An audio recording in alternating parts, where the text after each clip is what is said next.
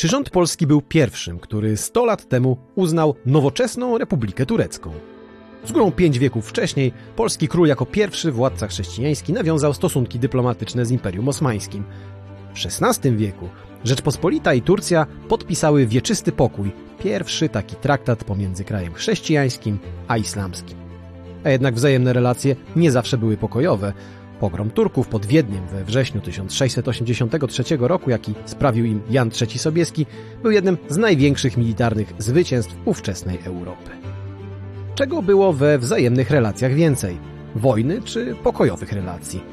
Kim byli Polacy, którzy stworzyli turecką kulturę, zachowali dla potomnych muzykę turecką, czy malowali tureckie zwycięstwa? I czy stosunek do Rosji jest tym, co Polaków i Turków łączy, czy raczej dzieli? O tym wszystkim rozmawiam dziś z dr Karoliną Wandą-Olszowską, historyczką i turkolożką z Uniwersytetu Jagiellońskiego i Instytutu Badań nad Turcją. To jest podcast Muzeum Historii Polski. Nazywam się Michał Przeperski i zapraszam. Część pierwsza. Moim gościem jest dzisiaj dr Karolina Wanda-Olszowska z Uniwersytetu Jagiellońskiego, turkolożka i historyczka. Dzień dobry, Karolino. Dzień dobry.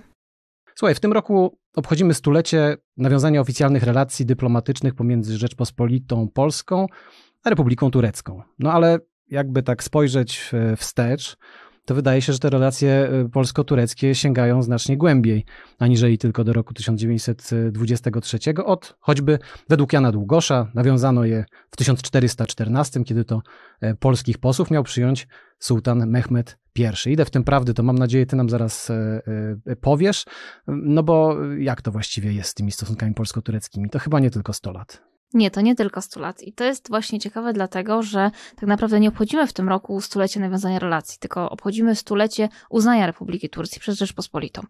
E, dlatego, że musimy rozdzielić Imperium Osmańskie od Republiki Turcji i pamiętać, że po pierwsze, do 1923 roku, dokładnie 29 października, więc to będzie nawet później niż tak naprawdę te, te zostały uznana Republika Turcji przez e, Polskę, e, to istniało Imperium Osmańskie, e, które ucierpiało w wyniku I wojny światowej, znaczy związało się z państwami centralnymi, później poniosło koszty traktatów SEW i na kanwie tego, że ta Imperium Osmańskie było rozbierane przez państwa, które wygrały wojnę, państwa zachodnie, ale również przez Greków czy Ormian, którzy też odrywali sobie te kawałki, bo mamy rok 1919, bardzo ważny dla Turcji kiedy rozpoczyna się wojna narodowo-wyzwoleńcza, czy wojna o niepodległość, w której to e, część Turków pod przywództwem Mustafy Kemala, tego pierwszego prezydenta, którego znamy jako Atatürk, e, ojca republiki, no walczy tutaj, no głównie z Grekami, no bo to jest ten główny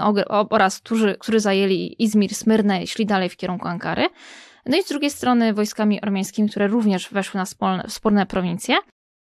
I jakby już nie wchodząc w szczegóły tej wojny, bo tutaj o tym całe książki Turcy piszą, e, jest to wojna, która ukształtowała to, co mamy teraz, dlatego że na kanwie tej walki została tak naprawdę e, zbudowana współczesna Republika Turcji. To Mustafa Kemal, co nie było takie oczywiste od początku, doszedł do władzy i stał się ikoną, stał się takim bohaterem narodowym, e, jakby punktem odniesienia historycznego do dzisiaj. No i 23 lipca, czyli dzień przed podpisaniem traktatu w Lozannie, 1923 roku, rząd polski uznał, i tutaj jakby nie tyle nawet Republikę Turecką, co podpisał tą umowę z Wielkim Zgromadzeniem Narodowym Turcji, czyli z tym, teraz Wielkie Zgromadzenie Narodowe Turcji to jest turecki parlament. Wówczas było to, co się ukonstytuowało jako rząd w Ankarze i potem zostało przekształcone właśnie w, w kierujących republiką. Ta umowa została ratyfikowana dopiero w grudniu, ale jest to taki moment, kiedy jakby uznajemy, że Imperium Osmańskie przekształciło się w Turcji i zaczynamy rozmawiać z Mustafą Kemalem. Do 1414 ja się jeszcze odniosę, ale chciałabym tutaj jakby wrócić co do tego, co narosło, dlatego że tych legend my w tej wspólnych relacjach mamy bardzo dużo. Są to legendy bardziej polskie albo bardziej tureckie, w zależności od tego, komu się inaczej opłaca pisać historię, ale w polskiej narracji bardzo często się pojawia, że e, rząd polski to był pierwszy rząd europejski, który uznał Republikę Turcji. Tylko, że tutaj pojawia się pytanie, co z bolszewikami? Nie są częścią Europy, dlatego że oni uznali e, rządy Kemala w 1921 roku, w marcu. Wtedy podpisano traktat przyjaźni. Czyli jeszcze w momencie, kiedy trwały w ogóle walki, kiedy bardzo daleko było do tworzenia jakiejkolwiek Republiki Tureckiej.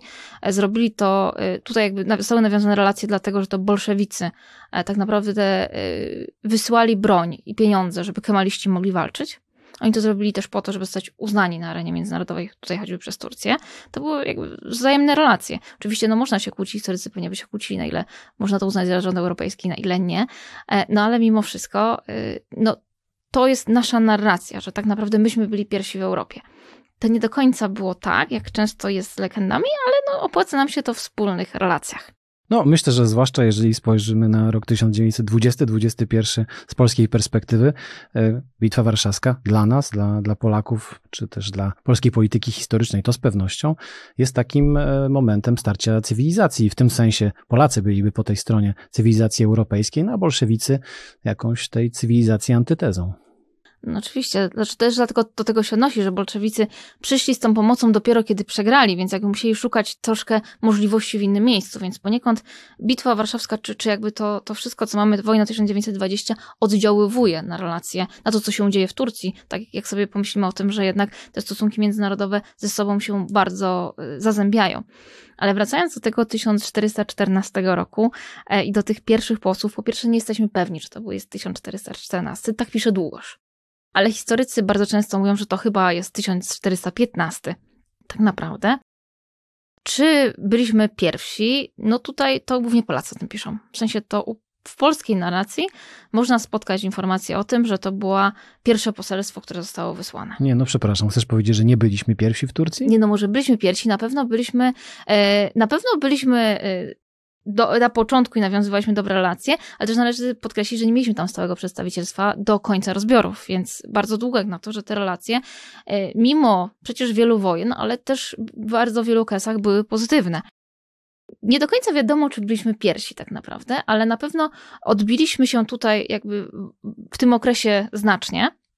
Z tym, że znowu u nas, w naszej narracji, bardzo często nie podkreśla się między innymi tego, że to, e, że udało się nawiązać te relacje i tak naprawdę wtedy Władysław Jagiełło mógł negocjować, znaczy, bo to chodziło o to, że był spór e, Zygmunta Luksemburczyka i, i sułtana Mehmeda I i on tutaj był mediatorem, czyli coś, co teraz Turcja bardzo uprawia. E, I udało mu się tego doprowadzić również przez trudną relację, którą, Mehmed, którą Mehmed I miał wewnątrz swojego państwa. Bo on wcześniej walczył z swoimi braćmi o to, który z nich obejmie schedę po ojcu, a później musiał jakby tutaj wewnętrznymi ruchami wewnątrz państwa się rozprawić, więc jemu bardzo zależało na tym, żeby e, uspokoić sytuację międzynarodową ale jest na pewno początek, który podkreślają zarówno Turcy, jak i Polacy. E, I bardzo często w tej wspólnej narracji jakby przechodzą od razu do kolejnej pozytywnej rzeczy, czyli do wieku XVI, e, kiedy to e, między Królestwem Polskim a Imperium Osmańskim został zawarty traktat o wiecznym pokoju. Jakbyśmy pomijali wszystko, co jest po drodze, ale jest to o tyle ważne, że to jest traktat, który jakby pierwszy traktat tego typu podpisany między państwem muzułmańskim a państwem chrześcijańskim. I tak faktycznie no jest, bo jedni i drudzy tak podają. I co ciekawe, dopiero trzy lata później Imperium Osmańskie nawiązuje e, podobny traktat e, z Francją. O właśnie, bo, ta, bo z tego co pamiętam e, z, ze studiów historycznych, to Francja jest bardzo często przytaczana jako przykład tego kraju, który z Turcją, mm, no powiedzmy, najzręczniej grał dyplomatycznie. Tak, ale po, z tego przynajmniej co wiadomo, ten traktat się nie zachował, ale najprawdopodobniej on w ogóle nigdy nie powstał z Francją. W sensie on jakby de facto mm, jakby był i to widać przy współpracy wojskowej, ale żeby nie drażnić jakby opinii publicznej, że to katolicki kraj z muzułmańskim krajem podpisują ze sobą tego typu deklaracje, to on nigdy nie został spisany najprawdopodobniej. Ale jest to okres, ten e, okres rządów Sulejmana Wspaniałego, w którym tak naprawdę te relacje między Królestwem Polskim a Imperium Osmańskim były bardzo poprawne, dlatego że obydwa państwa miały inne interesy. To nie chodzi o Roxolanę e, czy Fürem i o tym, że ona była branką z Lechistanu i tak naprawdę to może była, e, nazywała się siostrą króla polskiego. Mówiłaś o konkretnych osobach. Sulejman Wspaniały to nie jest byle kto w dziejach e, Turcji osmańskiej, e, jeden z najwybitniejszych sułtanów, może najwybitniejszy, no nie bez kozery, nadano mu przydomek e, wspaniały. w Turcji przydomek ma kanuni, czyli prawodawca. To my jakby w Europie nadajemy mu przydomek wspaniały, ale na pewno no, był jednym z najwybitniejszych przywódców Imperium Osmańskiego i na trwałe wpisał się w historię Imperium Osmańskiego, ale też myślę całej, całej tej części świata, no bo to nie tylko mhm. dzisiejsza Turcja. Roxolana Hürrem? Roxolana Hürrem, czyli e, jakby nie, żona żona, bo w końcu została żoną e, Sulejmana Wspaniałego. Nie do końca wiemy, skąd ona tak naprawdę pochodziła. W sensie bardzo nam się podoba i Turkom też się bardzo podoba ta legenda, że jest branką z Lechistanu, czyli z terenów Rzeczpospolitej, gdzieś w okolicach e, współczesnej Ukrainy. Została wzięta w jasę, czyli wzięta do niewoli, sprzedana na dwór osmański, tak trafiła do haremu sułtana i została zauważona i sułtan tak bardzo się w niej zakochał, że postanowił wziąć z nią ślub.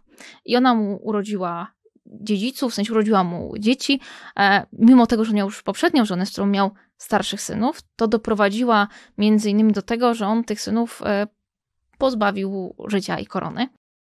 Bo jakby grała na tym, żeby to jej dzieci objęły tron po Sulejmanie Wspaniałym. Z tym, że no nie mamy pewności, że ona faktycznie była branką Rzeczpospolitej. No pojawia się też, nie wiem, tezy, że była Greczynką.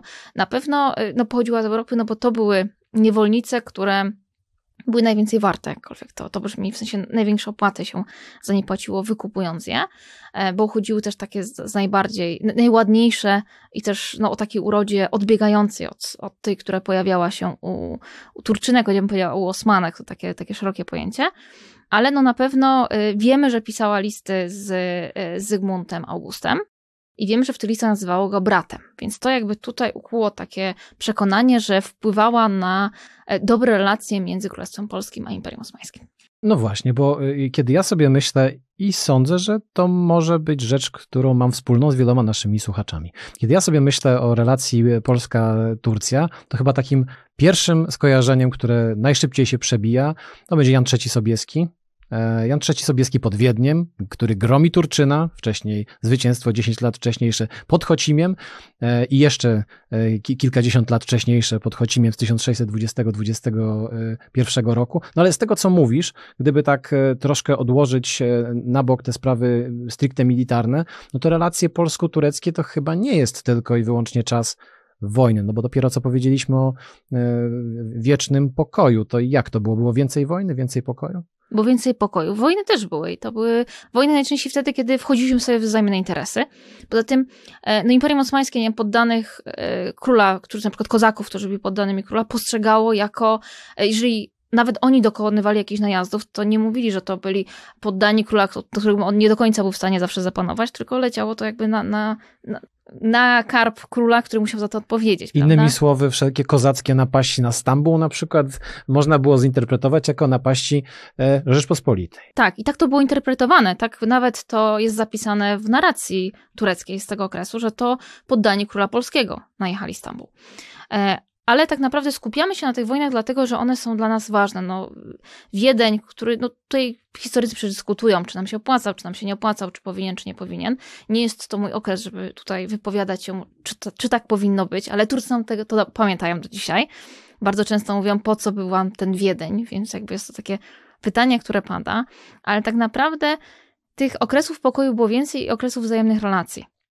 Po pierwsze, no, była wymiana handlowa e, i to, że Polska była ważna dla Imperium Osmańskiego jak taki szlak. Między innymi futra z Moskwy sprowadzano przez Polskę, z Polski sprowadzano bursztyn.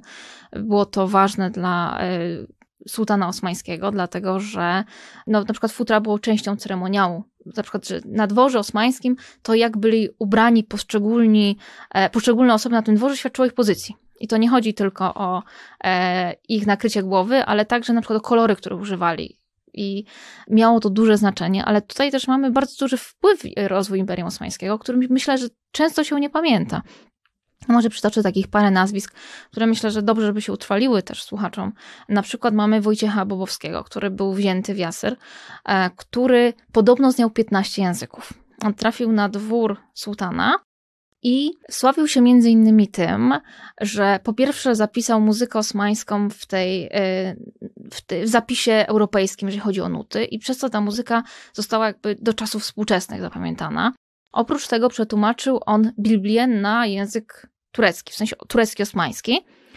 I mówi się, że to było jedyne jakby pełne tłumaczenie Biblii na, no, z osmańskiego jakby Turcy po reformie języka, którą mieli w latach 30. po proklamowaniu republiki, lata 20, lata 30. XX wieku, to e, no, sami sobie tłumaczyli wiele utworów, które mieli po osmańsku na współczesny turecki, żeby móc je na przykład teraz zrozumieć. Więc teraz mamy utwory osmańskie przetłumaczone na turecki, żeby taki współczesny Turek w ogóle wiedział, co, co tam się znajdowało.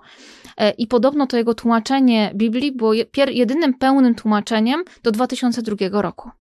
On też napisał wstęp do Koranu po łacinie. E, modlitewnik anglikański przetłumaczył znowu na osmański, turecki. Więc on miał duże jakby tutaj e, zasługi. Z jednej strony, no będąc też głównym tłumaczem Imperium Osmańskiego, sułtana, z drugiej strony dlatego, że tak ważne dla religii jednej i drugiej, dlatego że on był takim trochę łącznikiem. On przeszedł na islam. E, oczywiście jakby w trakcie, też służąc sułtanowi musiał przejść na islam. Jest znany jako Ali Ufke, e, ale tutaj właśnie tłumaczył ważne dzieła. Sprawił, że jakby ta, te zapisy muzyczne zachowały się dla współczesnych. Więc na pewno jest takim nazwiskiem, które warto zapamiętać. E, myślę, że takim nazwiskiem, które też e, jest bardzo ciekawe, a rzadko się pojawia, jest malarz. Stanisław Chlebowski który y, był nadwornym malarzem sułtana Abdulaziza. On oczywiście na ten dwór e, trafił przy rekomendacji Michała Czajkowskiego, do którego myślę, że też sobie wrócimy, e, ale no, balował on wiele e, obrazów, co prawda na zlecenie sułtana, on mieszkał w jego pałacu swego czasu w Dolmabachcze, więc jakby tutaj sułtan już bardzo ingerował w to, co powstaje, ale powstało wiele obrazów przedstawiających zwycięstwo osmańskie. Warne, Mohacz, też wspaniałych postaci, znaczy wspaniałych postaci dla historii Imperium Osmańskiego. I niektóre z tych obrazów są dostępne w Polsce w Muzeum Narodowym w Krakowie. Można je oglądać. Jest taką postacią w Turcji chyba dużo lepiej znaną niż w Polsce. W sensie w Turcji Chlebowskiego się kojarzy. E, my, jeżeli nie zajmujemy się malarstwem, to możemy go przegapić. No jest coś w tym takiego y, co jest może dla polskiego odbiorcy niewygodne. E, patrzenie na bitwę pod, e, pod Warną czy pod Mochaczem jako na sukces, no, no nie, to nie jest coś, co jest dla nas typowe. Powiedzmy jeszcze, kiedy on to malował, bo to nie jest też dla każdego z, e, takie oczywiste. No on to malował w XIX wieku. No to jakby przeskakujemy oczywiście po, po różnych postaciach w różnych okresach, no ale właśnie tutaj warto podkreślić, że to było w bardzo różnych okresach. Jeżeli chodzi o postać, bo jeszcze chciałabym parę słów o Polonysku powiedzieć, jako takiej ważnej części, ale wcześniej chciałabym zwrócić uwagę na Konstantego Bożenckiego, Mustafa Jalaleddina Paszy, dlatego że, może nie wchodząc w całą jego historię, ale napisał on taką, e, taką książkę o Turkach dawnych i współczesnych. On ją napisał po francusku. E, ja tutaj nie będę się starała wymówić to po francusku, e, ale w każdym razie jest to książka, która po pierwsze jakby porównuje mm, pochodzenie Turków od Europejczyków, po drugie ona wprowadza pewne reformy językowe.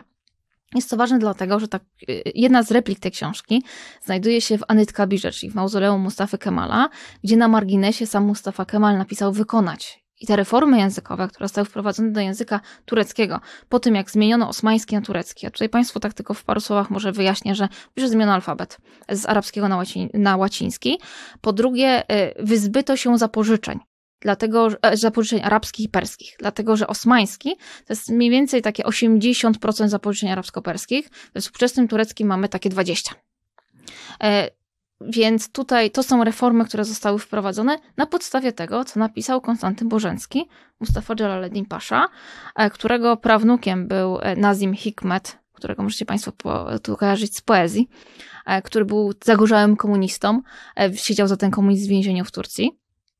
I później e, uciekł do no, Związku Radzieckiego, ale dostał polskie obywatelstwo, dzięki temu mógł e, uciec, więc y, ma swoją historię również związaną z Warszawą, e, gdzie przywołał, gdzie tłumaczono jego wiersze na turkologii. To taka długa historia rodzinna, ale chciałam tutaj tego pytania jeszcze tak parę słów o Polonyskai, dlatego że mm, myślę, że coraz więcej osób wie o tym, że jest taka wieś pod Stambułem, która nazywała się Adam Polem, a teraz nazywa się Polonyskai, czyli polska wieś, ale tak z francuskiego która została e, założona w 1842 roku, dlatego że kiedy mieliśmy Polaków, którzy uciekli z, z rejonów, spod zaborów, głównie z zaboru rosyjskiego. E, jeżeli byli wzięci do wojska rosyjskiego, które walczyło z Imperium Osmańskie, Osmańskim, jakby uciekli do Imperium Osmańskiego, ale oprócz tych, którzy się świetnie odnaleźli, bo takich, takich było sporo, ale to byli ludzie, którzy e, no, mieli pewne umiejętności, na przykład mieli wysokie stopnie wojskowe. Ale tacy przeciętni żołnierze e, zasilali po prostu stambulską, nie tylko stambulską biedotę, więc żeby coś z tym zrobić, to Michał Czajkowski, już wspomniany, który, który był wtedy w Turcji, Turcji i miał tworzyć jakby podwaliny między innymi wojska e, w Turcji, postanowił wykupić kawałek ziemi pod Stambułem od lazarystów. Mówi się, że na zlecenie e, Adama Czartoryskiego to nie do końca było tak, bo Adam Czartoryski nie był zachwycony tym, że on kupił tą ziemię. Tym bardziej, że to była taka ziemia, którą trzeba było wykarczować, przygotować, która miała kiepskie warunki. 14 lat trwało zanim od zakupienia tego, jak tam pierwsi osadnicy mogli się osiedlić, więc no, możemy sobie wyobrazić. E, I ta wieś e, od właśnie Adama Czartoryskiego, nie Adama Mickiewicza, e, nazywa się Adam Polem.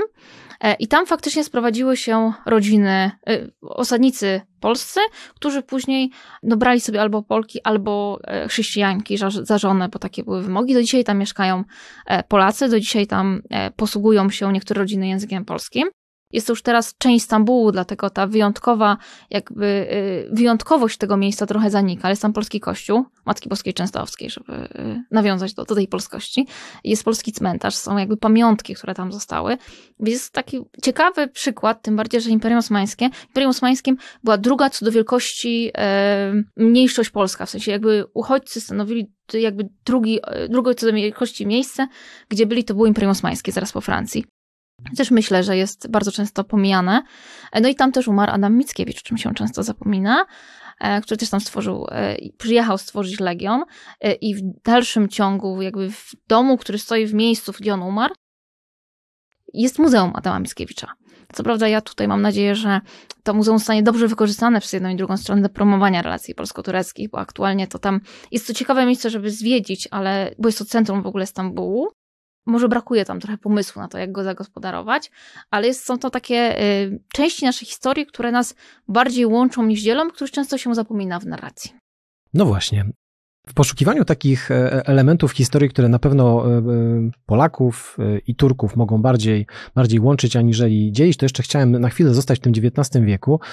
Wspomniałaś o Adamie Czartoryskim. Adam Czartoryski, niekoronowany król Polski, najważniejsza postać arystokratycznej emigracji w pierwszej połowie XIX wieku. No i Michał Czajkowski, postać, która pojawiła się, pojawiła się już kilkakrotnie w, w tym, o czym ty mówiłaś, ale to był człowiek, który pojawił się w Turcji też nie bez przyczyny. E, i mam nadzieję, że nam jeszcze powiesz, co, co, go tam, co go tam sprowadziło. Tak samo jak e, dobrze byłoby pewnie powiedzieć, co sprowadziło do Turcji Adama Mickiewicza, bo tam w 1855 e, roku rzeczywiście wyzionął ducha, ale wybrał się do Turcji w pewnym bardzo określonym celu, w pewnych bardzo określonych sytuacjach politycznych. No tak, no jakby tutaj mamy okres rozbiorów i to są e, osoby, które zostały do tej Imperium Osmańskiego e, wydelegowane, żeby tworzyć tam legiony. No Michał Czajkowski stworzył Legion Kozaków, który miał walczyć e, o u boku Imperium Osmańskiego przeciwko Rosji. To w ogóle rzecz, która się pojawia, że wielu właśnie Polaków, którzy trafili do Imperium Osmańskiego, trafiali tam po to, żeby formułować jakieś jednostki, żeby u boku, y, u boku Osmanów, tak szeroko pojętym, walczyć z Rosją na wyzwolenie Rzeczpospolitej pod zaborami. Myślę, rzecz, która się pojawia. Oni tam nie byli tak po prostu, bo wybrali sobie Turcję, bo nie ma dobry klimat, tylko tak naprawdę e, za, e, widzieli w tym, że jednym z głównych wrogów Imperium Osmańskiego była Rosja e, i toczyła z nią najwięcej wojen, szansę na to, żeby u boku tego Imperium Osmańskiego, reformując też osmańską armię, bo przecież Polacy mają też duże zasługi w reformowaniu osmańskiej armii, no i jakby tutaj iść w stronę wyzwolenia terenów pod zaborami. Nie było to takie łatwe, choćby dlatego, że Osmanowie traktowali Polaków jak trochę jako kłopot momentami. W sensie oni byli bardzo przydatni w momencie, kiedy toczyli wojnę z Rosją, dlatego że oni tą Rosję znali. Oni potrafili mieć bardzo nowoczesne rozwiązania pewne, militarne czy techniczne. Jakby tutaj też e, przecież jeden z Polaków, którzy wtedy byli w Imperium Osmańskim, stworzył jakby taki pomysł na walkę e, z, z Rosją, który został wykorzystany podczas podczas wojny krymskiej. tylko trochę za późno się w niego wczytali przywódcy osmańscy, troszkę jakby nie wyszło, ale sam pomysł jakby był wcześniej, który miał szansę powodzenia, tylko w momencie, kiedy przychodziły czasy pokoju, to e, Rosja naciskała na Imperium Osmańskie, żeby tych Polaków albo deportować, e, albo nie pozwolić im działać na taką skalę. I tutaj, no też chcąc zachować przede wszystkim bezpieczeństwo swojej granicy, Imperium Osmańskie zachowywało się bardzo często yy, dyskusyjnie. W sensie, dopóki była wojna, to pomagaliśmy, ale w momencie, kiedy y, był pokój, to trzeba było tych Polaków jakoś tak usunąć w cień, żeby y, rosyjski wysłannik, poseł za bardzo nie zwracał na nich uwagi. Mhm, no dyskusyjnie to, to, to jest taki eufemizm, no to konkretnie, co takiego strasznego ci Turcy robili? Może nie strasznego. Na pewno y, było to tak, że w momencie, kiedy Polacy byli potrzebni, to pozwalano im działać, pozwalano im być częścią armii.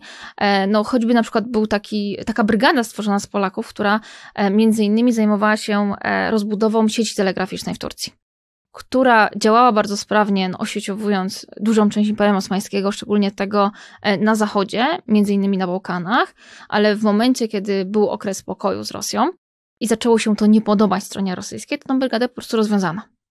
Więc to były tego typu poczynania. To, to jakby nie chodzi o to, że ich teraz e, deportowali do Rosji, tylko o to, że e, przez, nie wydawano pozwoleń na działanie. To jakby tak samo jest, e, przesuwając się o parę wieków dalej, kiedy mamy do czynienia z II wojną światową, kiedy Polacy działają w Turcji rozbudowując turecki przemysł, między innymi tureckie lotnictwo, to w momencie, kiedy Amerykanie dostarczają pomoc w ramach planu Marshalla, i dostarczają swoich własnych ekspertów, to Polacy, którzy tworzyli te fabryki, zostają z tych fabryk y, wypchnięci przez Amerykanów. E, no i jest to koszt bardzo duży poniesiony, o czym też się zapomina, no bo jakby ta historia oprócz jakby wojen ma y, nie tylko pozytywne aspekty, w sensie te pozytywne aspekty i ten wkład jest też bardzo często okupiony takim czy nie innym postępowaniem w takich nie innych realiach politycznych, o którym też warto pamiętać, bo to nie jest tak, że wszystko jest pozytywne i jest pięknie, bo wspieraliśmy się we dwójkę. No dobrze, to nam przypomina, że relacje polsko, polsko-tureckie są elementem pewnej e, globalnej układanki, a globalne układanki geopolityczne, e, jak niestety teraz możemy śledzić chyba tym, tym bardziej wyraźnie, są, są niezwykle skomplikowane i no i cóż, i relacje pomiędzy, pomiędzy najsilniejszymi e, często są najistotniejsze i cierpią na tym maluczcy. Przeskoczmy do XX wieku, e, bo pierwsza wojna światowa przyniosła Polsce niepodległość, jak wiemy, w listopadzie 1918 roku i w kolejnych latach Polska najpierw powstaje, a potem się odbudowuje. Natomiast no, Turcja osmańska, no, trzeba powiedzieć, efektywnie upada i przekształca się, tak jak powiedziałaś, w Republikę e, Turecką. No ale to, że tak właściwie zupełnie przeciwnie potoczyły się losy obu narodów, właściwie, jak rozumiem, naj, najwyraźniej tym relacjom wzajemnym e, nie, nie, nie przeszkodziło. Jak się właściwie układały te relacje polsko-tureckie w, po 23 roku? Już w tym, w tym okresie dwudziestolecia międzywojennego na przykład, no bo z jednej strony świetnie, przeczytamy w preambule do, do traktatu o przyjaźni, że przyjaźń pomiędzy Polską a Turcją ostała się wobec najcięższych przejść dziejowych i to bardzo pięknie brzmi, ale z drugiej strony, gdzie Polska, gdzie Turcja i gdzie są te wzajemne y, wspólne interesy? Czy w tym czasie to głównie były wspólne interesy handlowe, jakby na tym się skupiano? E, to nie były w tym okresie jakieś rozwinięte, e, rozwinięta współpraca czy rozwinięte relacje, no z uwagi na to, że jedno i drugie państwo e, powstało no tutaj jakby Rzeczpospolita Polska odrodziła się pod zaborami. Turcja powstała na kanwie upadku Imperium Osmańskiego, a tak naprawdę no, borykały się one ze swoimi problemami wewnętrznymi, ze swoimi problemami z sąsiadami. No, Turcja miała dużo mniejsze, dlatego że w polityce Mustafa Kemala bardzo, często, bardzo szybko y, nastąpiło przejście do polityki zero problemów z sąsiadami, czyli układamy dobre relacje nawet z tymi sąsiadami, z którymi żeśmy walczyli przed chwilą. To chyba właśnie było nakierowane na to, żeby skupiać się e, na odbudowie wewnętrznej państwa, na reformowaniu. Jakby Turcja w tym okresie dwudziestolecia międzywojennego, jak to nazywamy, była skupiona na reformowaniu swojego państwa, tak żeby było ono jak najbardziej europejskie. No bo jakby europejskie, zachodnie, bo, bo taką wizję miał Mustafa Kemal, to była jego wizja. Te relacje znowu zaciśniły się, one były jakby poprawne, dobre, myśmy też nie mieliśmy punktów spornych, więc to jakby dużo trudniej mieć złe relacje z kimś, z kim się nie ma jakby tutaj e, punktów zapalnych. Ale tak naprawdę no, druga wojna światowa była takim momentem, kiedy te relacje zostały wystawione na próbę i na próbę, która, e, która e, powiodła się w sensie jakby tutaj, dlatego że po pierwsze mieliśmy tam wtedy e, ambasadora e, Michała Sokolnickiego, e, który w Turcji był bardzo szanowany i lubiany. On miał więcej problemów z rządem e, na emigracji w Londynie, który chciał go usunąć parokrotnie w ciągu wojny ze stanowiska, na co nie zgadzała się Turcja. Twierdząc, że jeśli go usuną, to oni nie uznają, nie uznają nowego ambasadora, który przyjedzie do Turcji. E, więc on był w ogóle bardzo lubiany i szanowany, ale też Turcja przymykała oko na pewne rzeczy, które się e, działy. Między innymi na to, że przez Turcję choćby szło złoto, które zostało ewakuowane z Polski. E, że kolejni oficerowie przybywali do Turcji, którzy potem przez terytorium Turcji przechodzili, ale tak naprawdę Turcja nie powinna się zgodzić na to, żeby oni w ogóle dobili do portów i wyszli. A tak naprawdę ona udawała, że nie wie, że oni tam są. Więc to były takie działania rządu tureckiego, gdzie też na przykład minister spraw zagranicznych Turcji miał bardzo dobre relacje osobiste z ambasadorem Sokolnickim, gdzie po prostu w tych momentach, kiedy można było Polsce pomóc, po prostu rząd turecki udawał, że on nie widzi, że, Turcji, że Polska jakby tutaj e, łamie pewne postanowienia międzynarodowe. Też e, powiedzmy sobie wprost, że to, że tam nasi inżynierowie e, trafili i że tam otwarto fabrykę e, samolotów, to też jest zasługą, znaczy zasługą, to też jest związane z tym, że Turcja bardzo chętnie sprowadzała sobie specjalistów. I oni byli w stanie wydać im obywatelstwa tureckie jeszcze, kiedy oni byli w Europie, tylko po to, żeby mogli bezpiecznie dojechać do Turcji. Dlatego, że Turcja inwestowała w specjalistów, tak samo sprowadzała je e, po 1933 z Niemiec. Na zasadzie, że ktoś chciał uciec do Turcji, to Turcja umożliwiała to, e, no bo czerpała z tego na rozwój własnego, własnego przemysłu. Tych Polaków było stosunkowo dużo, no bo to nie jest tak, że to są ogromne liczby, ale w bardzo różnych sektorach. I oni, e, to też było jakby założenie było takie, że jak otwieramy fabrykę, to jeżeli jest Polak, inżynier, który się zajmuje jakąś dziedziną, to od razu ma pomocnika Turka, którego on uczy. Nie jest tylko tak, że stworzycie sobie fabrykę i ona tam będzie, e, tylko też było tak, że od razu jakby reformujecie turecki przemysł.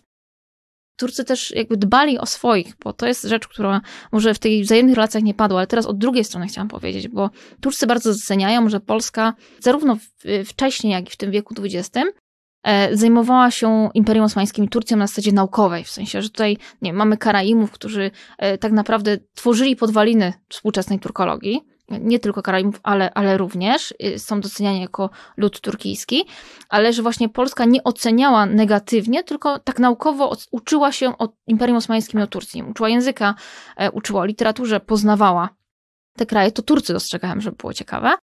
I w momencie, kiedy profesor Tadeusz Kowalski, twórca turkologii w Krakowie, e, pierwszej turkologii w, w odrodzonej Polsce, nie tylko turkologii, no bo jeszcze arabistyki na przykład, iranistyki, on w ogóle jakby twórcą orientalistyki w Krakowie, jak zwolniono go z obozu, to Turcy jakby udało im się wynegocjować z, e, z Niemcami, że on będzie mógł wyjechać raz z rodziną do Turcji. Po prostu stanie tam posadę na Uniwersytecie Stambulskim, będzie tam wykładać. I nawet został rozpisany dla niego etat. Tylko profesor Kowalski nie zgodził się z uwagi na to, że po pierwsze nie mógł zabrać z sobą nic, czyli nie mógł zabrać na swojego księgozbioru, po drugie bał się, zostanie że będzie postrzegany jako zdrajca w kraju, więc jakby nie zdecydował się na wyjazd. Ale no to Turcy jakby tutaj wynegocjowali, że osoba, która tyle zrobiła dla nauki o samej Turcji, o, o języku, o literaturze, e, bezpiecznie mogłaby opuścić okupowany kraj.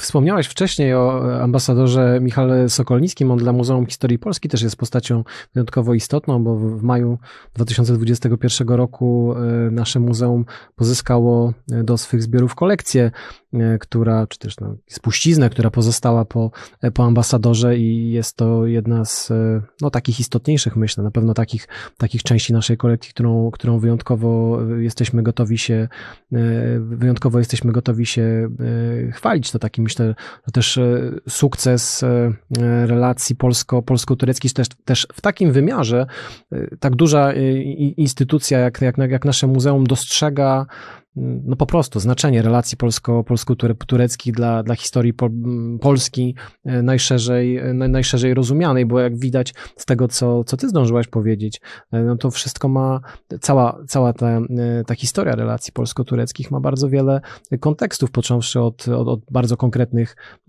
osób, choćby właśnie Sokolnicki, jak i te, te postaci znacznie, znacznie mniej znane, które przyczyniły się do, no właśnie, trochę do rozwoju Turcji, a trochę pewnie też do wiedzy na temat, na temat Polski właśnie w Azji Mniejszej.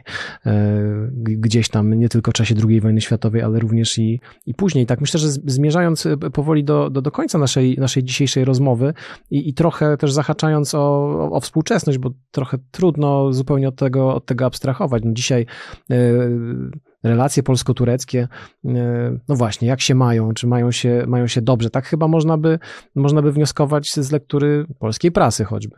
Myślę sobie, że, że i Polska, i Turcja jest, e, oby, oby te kraje są, są częścią NATO. To jest, to jest myślę coś, co nas bardzo, bardzo ściśle wiąże i kto wie, i tutaj pytanie do ciebie, czy nie bardziej wiąże nas no nie wiem, sceptycyzm, tak bym powiedział może, wobec e, Rosji? Czy to jest coś, co i, i Polska, i Turcja mają wspólne, mają ze sobą e, wspólne, czy, czy to przesada? Nie do końca bym tak powiedziała, dlatego że e, w Turcji Rosję postrzega się inaczej. W sensie, po pierwsze, nie postrzega się jako wróg. W Polsce Rosja jest zawsze jakby takim odniesieniem do przeciwnika. W Turcji nie. Jest mniejszy strach przed Rosją, tak uważam. E, też teraz dużo bardziej postrzega się na zasadzie e, kraju, z którym można e, pertraktować w różny sposób. W sensie można z nią robić interesy, można się z nią dogadywać, bo to Zachód zawiódł, zawiódł Turcję, traktując jako sojusznika drugiej kategorii. To jest takie główne rozczarowanie w tym momencie Turcji. Zna w NATO od 1952 roku, a tak naprawdę bardzo często NATO ją traktuje jako sojusznika drugiej kategorii. Kiedy jest potrzebna, to jest, ale kiedy nie jest, to interesy Stanów Zjednoczonych są ważniejsze niż interesy tureckie. Więc na tą Rosję patrzy się inaczej, ale Turcja jest w swoich poczynaniach e, bardzo pragmatyczna. W sensie jakby e, docenia jakby możliwość rozmowy z Rosją, dlatego że tam, mimo tego, że nie mają bardzo dużo sprzecznych interesów, Syria, Libia, Kaukaz, da się porozumieć, kiedy mamy również jakieś wspólne interesy. E, więc tutaj myślę, że Turcja jest ważna, żeby tę Rosję równoważyć. Ważna jest po naszej stronie, a nie po stronie przeciwnej. Chodzi mi w kontekście NATO dlatego że no jest to jednak ważny straj, kraj strategiczny, choćby przez swoje położenie, co też pokazała wojna rosyjsko-ukraińska, kiedy Turcja no, była mediatorem i e, doprowadziła do pewnych umów i, i no, nie można też nie doceniać tej roli albo jej znaczenia, ale ten strach przed Rosją jest dużo mniejszy i ta niechęć do Rosji moim zdaniem jest dużo mniejsza, mimo tego, że prowadziła z nią w historii bardzo dużo wojen, e, częściowo wygranych, ale później już generalnie przegrywanych. No właśnie, jak e, wczytamy się e, w Sienkiewicza, a prawdopodobnie turkolodzy mogą się zrzymać, pewnie zresztą słusznie, że Sienkiewicz nie jest najlepszym źródłem do poznania dziejów e, e, Turcji, to na pewno, relacji polsko-tureckich zapewne też, ale e, no niczym innym nie kończy się trylogia jak wspomnieniem likwidacji Hanatu Krymskiego w 1783 roku. No i następnie przypomnieniem, że caryca Katarzyna II najpierw przyczyniła się do upadku I Rzeczpospolitej, a później znacząco wpłynęła na osłabienie, powiedzmy, a później, czego Sienkiewicz e, już nie doczekał, na upadek e, imperium, e, imperium osmańskiego. I w tym sensie na pewno jest tak, jak mówisz, że, że te relacje współcześnie są znacznie bardziej złożone i, i pewnie Polska ma swoją agendę odnośnie, odnośnie relacji z Rosją, a, a, Turcja, a Turcja swoją, to gdzieś jako historyk mogę tylko do, dopowiedzieć. I takie mam wrażenie, że gdzieś ten cień Katarzyny II się nad tymi relacjami wzajemnymi unosi, ale może to tylko takie spojrzenie właśnie konsekwentnego historyka i wielbiciela Sienkiewicza. Bardzo Ci dziękuję za naszą dzisiejszą rozmowę. Moim gościem była dr Karolina Wanda-Olszowska, turkolożka i historyczka z Uniwersytetu Jagiellońskiego. Dziękuję. Dziękuję. Podcastów Muzeum Historii Polski wysłuchasz na YouTube, Spotify, Google Podcast, w Audiotece, a także na innych platformach podcastowych. Chcesz być na bieżąco? Subskrybuj kanał Muzeum Historii Polski.